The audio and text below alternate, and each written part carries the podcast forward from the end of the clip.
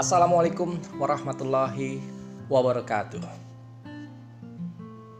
Mari kita lihat Al-Quran Surah Luqman ayat 33. Allah berfirman yang artinya, Hai manusia, bertakwalah kepada Al-Rabbmu dan takutilah suatu hari yang pada hari itu seorang bapak tidak dapat menolong anaknya dan seorang anak tidak dapat menolong bapaknya sedikit pun.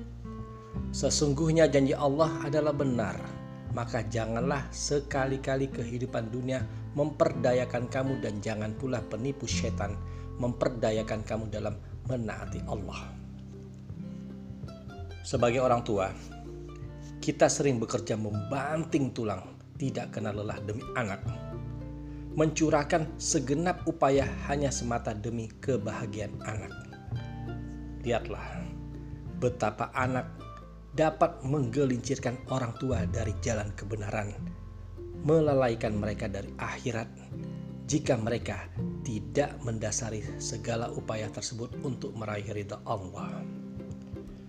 Mungkin kita sebagai orang tua merasa bangga berhasil menyekolahkan anak meraih gelar sarjana dengan seabrek titel dan gelar lainnya.